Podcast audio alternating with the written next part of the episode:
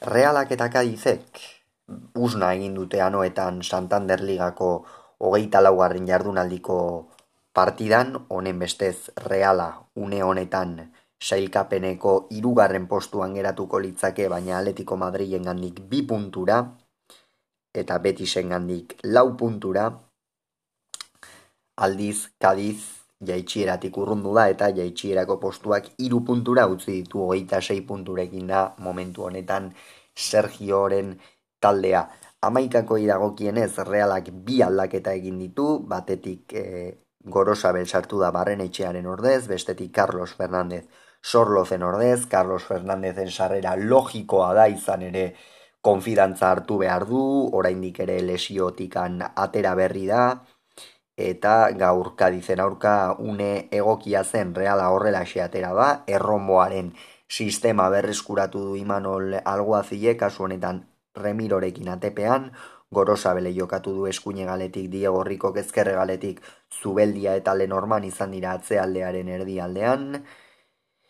atzealdeko erdilaria Martin Zubimendi izan da, Braisek eta Merinok lagundu diote, apur bat aurreratuago kubo, eta puntan Carlos Fernandez eta Oiartzabal ala ere bere ala pasada Imanol Alguazil lau iruiruko sistemara,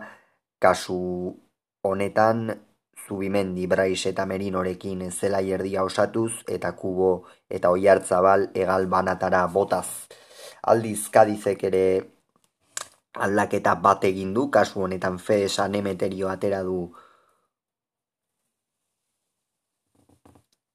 Kasu honetan Fede Sanemeterio atera du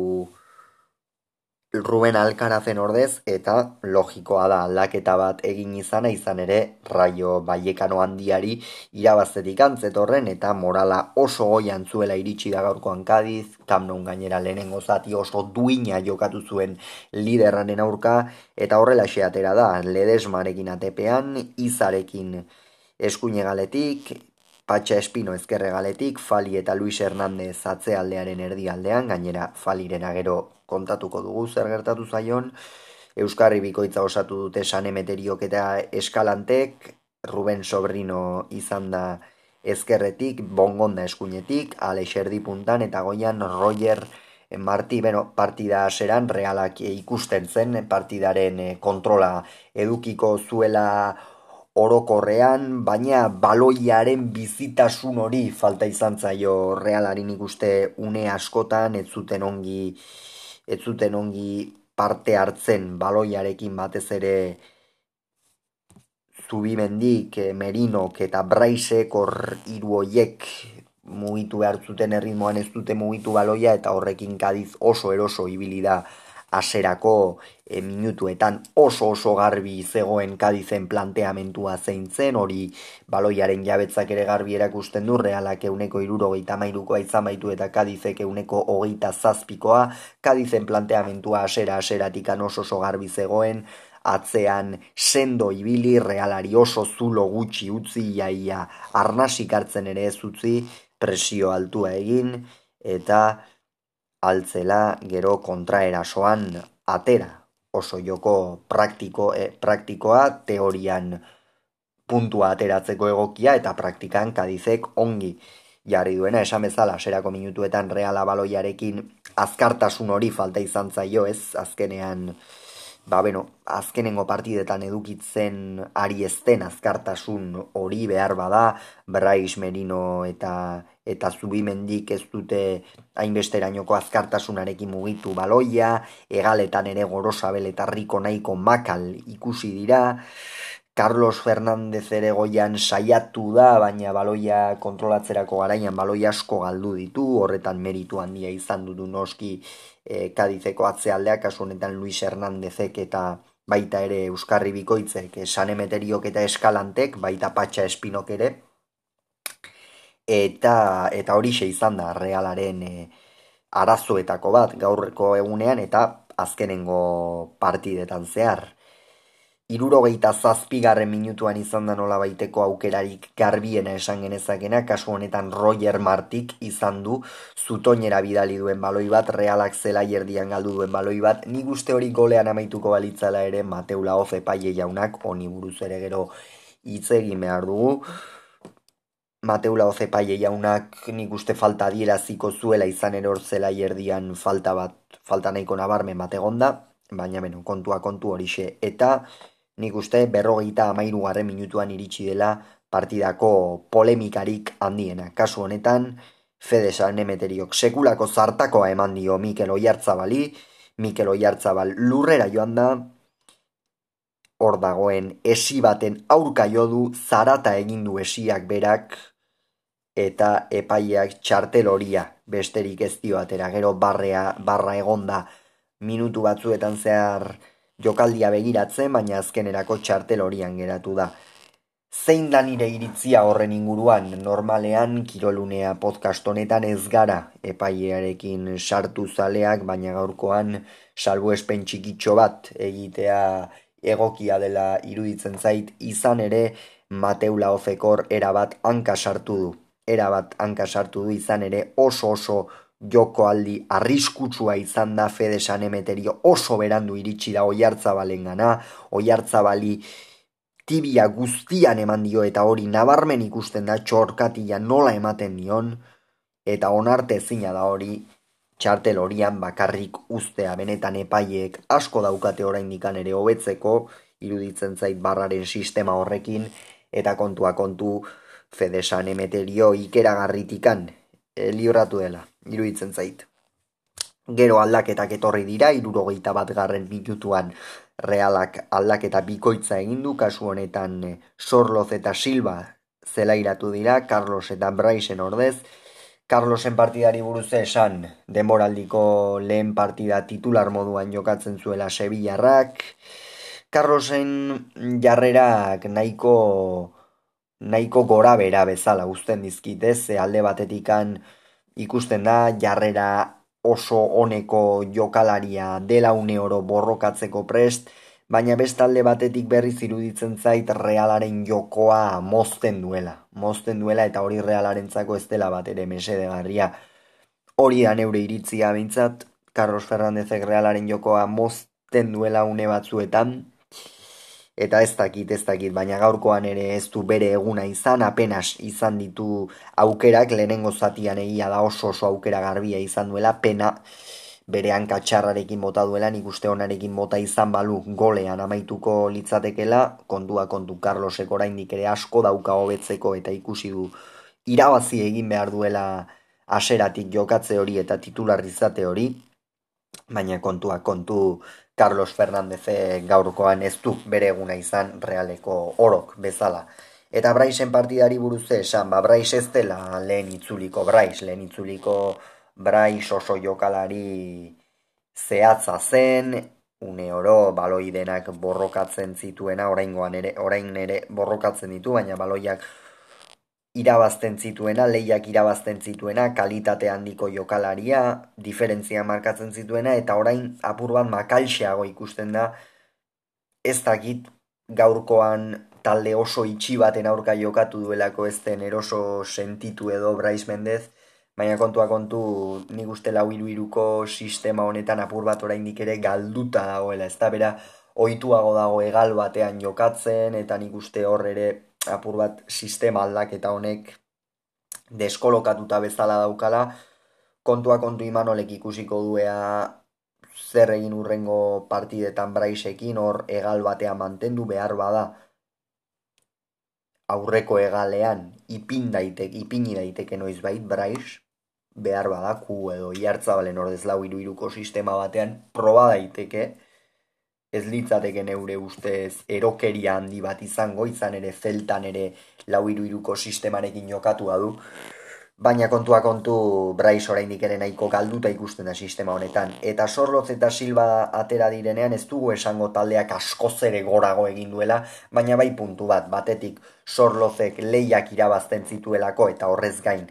Carlosek kin alderatuta beste abiadura bat daukalako eta beste potentzia bat daukalako Sorlozek eta Silva partida batzuen ostean partida batzuk jokatu gabe egon eta gero berriz ere itzuli da argin egin gomagoa eta beno, oraindik ere ritmoa falta zaiola nabaritu da, baina arreala gora egin du, bera, bera atera denean eta hori nik uste oso oso albiste positiboa. dela zalantzari gabe. Kadizek ere erantzun du, erantzun die aldaketa hori kasu honetan aldaketa iruko hitza egin du Kadizko taldeak Iban Alejo Ruben Alcaraz eta Sergi Guardiola zelairatu ditu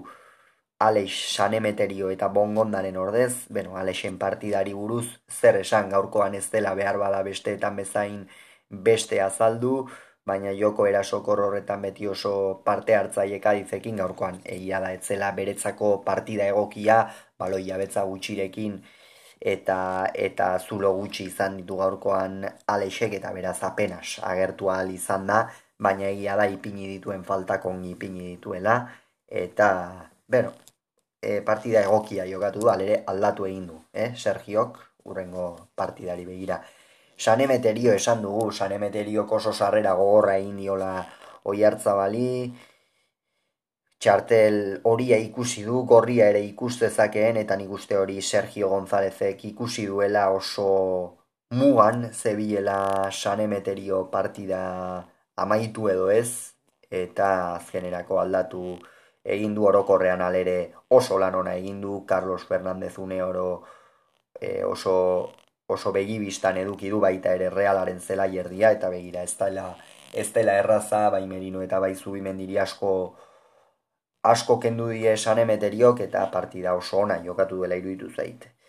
Bongonda, ba aurreko partidetan distira gehiagorekin ikusi dugu, ikusi genuen Bartzelonaren aurka lehenengo minutuetan egoki jokatu zuela, baina gaurkoa etzen eh, bere partida realak dominatu egin du aseratik bukaera arte eta gaurkoan ezin izan du agertu. Eta aldaketei dagokien ez, bai Iban Alejok ere gauza, gauza gutxi egin du, Alkarazek sendo mantendu du taldea zela erdian eta Sergi Guardiola apenas azaldu da. Iruro gita emezortzi garen minutuan egin ditu urrengo aldaketak, kasu honetan Royer kendu du, Royerrek hori zutoinean berak eduki du partidako aukerari garbiena, baina hori izan da bere jokaldirik er, errelevanteena edo nabarmenena esan dezagun. Eta Chris Ramosen ordezatera da honek ere gauza handirikan egiteko aukerarik ez du eduki. Realari dagokionez, laro bat garren minutuan erantzun du imanolek. Gorosabel eta oiartza balkendu ditu, so, txo eta sola sartzeko Gorosabel. Aspaldiko partez titular izan da, baina ikusi da fizikoki ez dagoela ongi arrasatearra erdirak eta jaltzerako garaian ere nahiko kamuts eta oraindik ere falta zaio, falta zaio zerbait titular izateko, baina posible da erroman titular izatea. Eta oi hartza bali dago gionez, sarera oso hor bat jaso du, eta hemen sartu behar naiz. E, partida osoa belaun horrekin edo txorkatiarekin belurtuta pasadu epaileari behin eta berriz protestatzen zion partida amaieran ere ikusi izan dugu anoetan bertan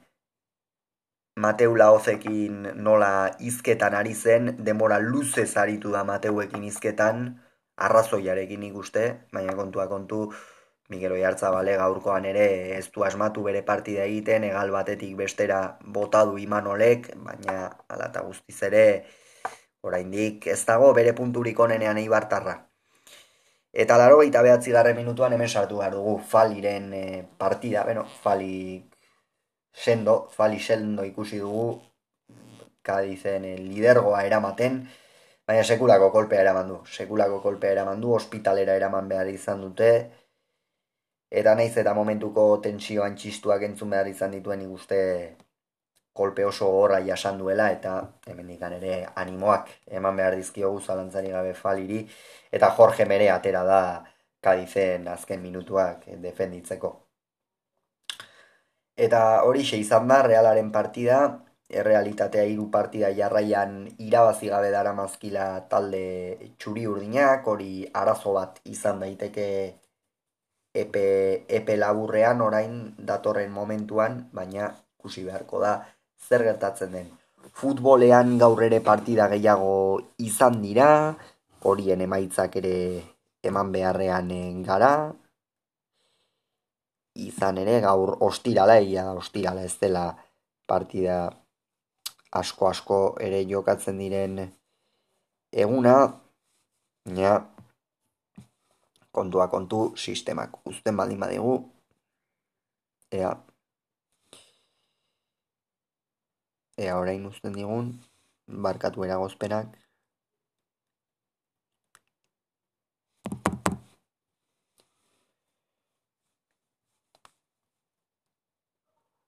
Bueno, badirudi ez digula uzten. Ea. Ben, kontua kontu, gaurkoan ez dugu gainuntzeko emaitzen errepasorik egingo. Eta futbol zelaietatik pilotalekuetara jo behar du izan ere gaur jokatu dute, lasok eta imazek, amore bi eta etxanon, peio etxeberria eta rezustaren aurka, binakako txapelketa nagusiko, playoffetako partida, lehen partida. Kasu honetan, izan ere peio etxeberriak eta rezustak urrengo astean beste bat jokatu beharko dute, baina jakin, amore bi eta etxanoko, bigarren partidan hartolak eta salaberriko geita bi eta maike irabazi dietela zubizar eta irugarrena eta uri ondori eta aldiz. Zumaian urrutiko etxea eta albizu txapelketatik kanpo geratu dira, peina eta mari eskurrenak egin dute aurrera hogeita bi eta amar irabazita eta binakako partida osagarrian dariok eta erostarbek hogeita bi eta amalau irabazi diete salaberria eta arbizuri alere guk erdigunea edo fokoa Lasok eta imazek peio etxe berria eta rezustaren aurka jokatu duten partida horretan jarri behar dugu. Izan ere, bibikoteak irugarren eta laugarren postuan urren ez urren, iritsi dira, kurdia, barkatu e, peio etxe berria eta rezusta irugarren laso eta imaz laugarren, baina oso oso parekatuak, esan behar da, txapelketan zehar jokatu dituzten euren artean, jokatu, jokatu dituzten partidetan zer gertatu den, batean tolosan peio itxeberriak eta rezustako gita bi eta emezortzi irabazi zieten lehen itzulian, eta bigarren itzulian berriz, ea aurkitzen ditudan, etxe berria eta rezusta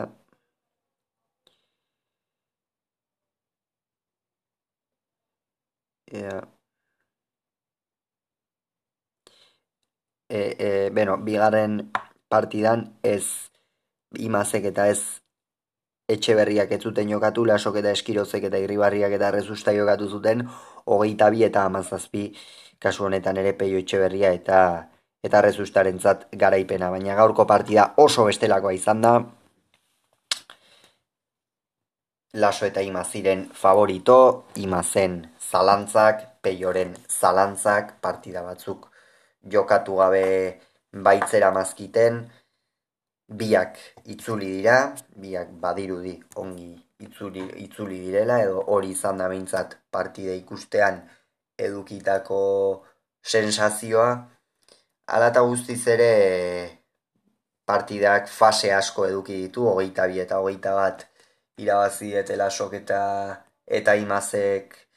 peio etxeberria eta rezustari, lehenengo zatian eh, laso erabat sartzen eta oso protagonista ikusi dugu.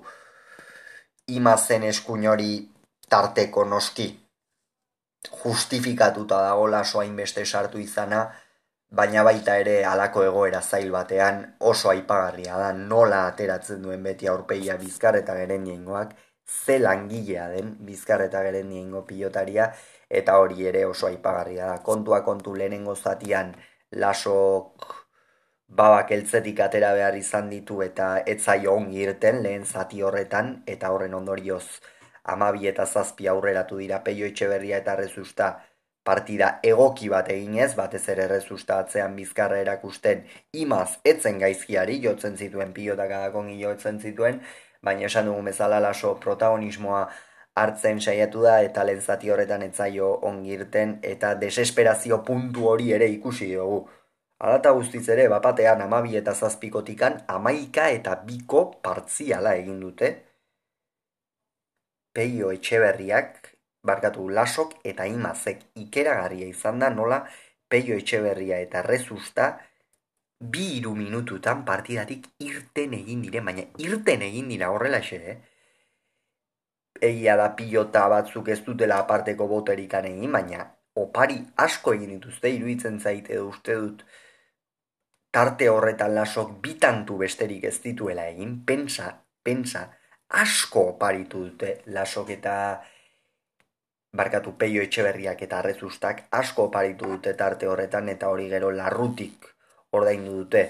Hemezortzi eta amalau aurretik ipini dira laso eta imaz, gero egia da harrapatu dituztela eta hogeita bat eta emeretzi ere aurretik joan dira, aurrelariek ez dute bat ere partida ona egin, ez da bat ere partide ikusgarria izan, emozioa bai izan da nagusia morebi eta etxanon, baina hogeita bat eta, eta emenetzik horretan lasok arriskatu egin du bikain atera zaio, eta ipagarria da laso izar bat dela, gaurkoan ere demostratu du. Imazetzeoen euneko eunean, laso bera ere ikusi da ez ez, azkenerako pantorrietan eta karrampak zituela nabaria zen hor luzaketak egiten eta ibilida bizkarretak garen diengoa, baina kontua kontu partida amaieran bitantu ederre egin ditu, eta azkenerako, garaipena eman die laso eta imaz bikoteari lasok, hogeita bi eta hogeita bat, beraz finalerdietan izango dira elordi eta zabaletarekin batera, eta peio etxeberriak eta rezustak txamponaren beste aldea kasu honetan,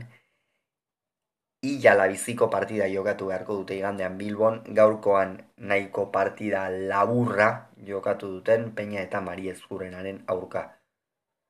Beraz, ikusiko dugu igandean zer gertatzen den, hause izan da gure aldetik gaurkoz guztia, urrengoan gehiago izango duzuek kirolunea podcast honetan bitartean on izan, agur.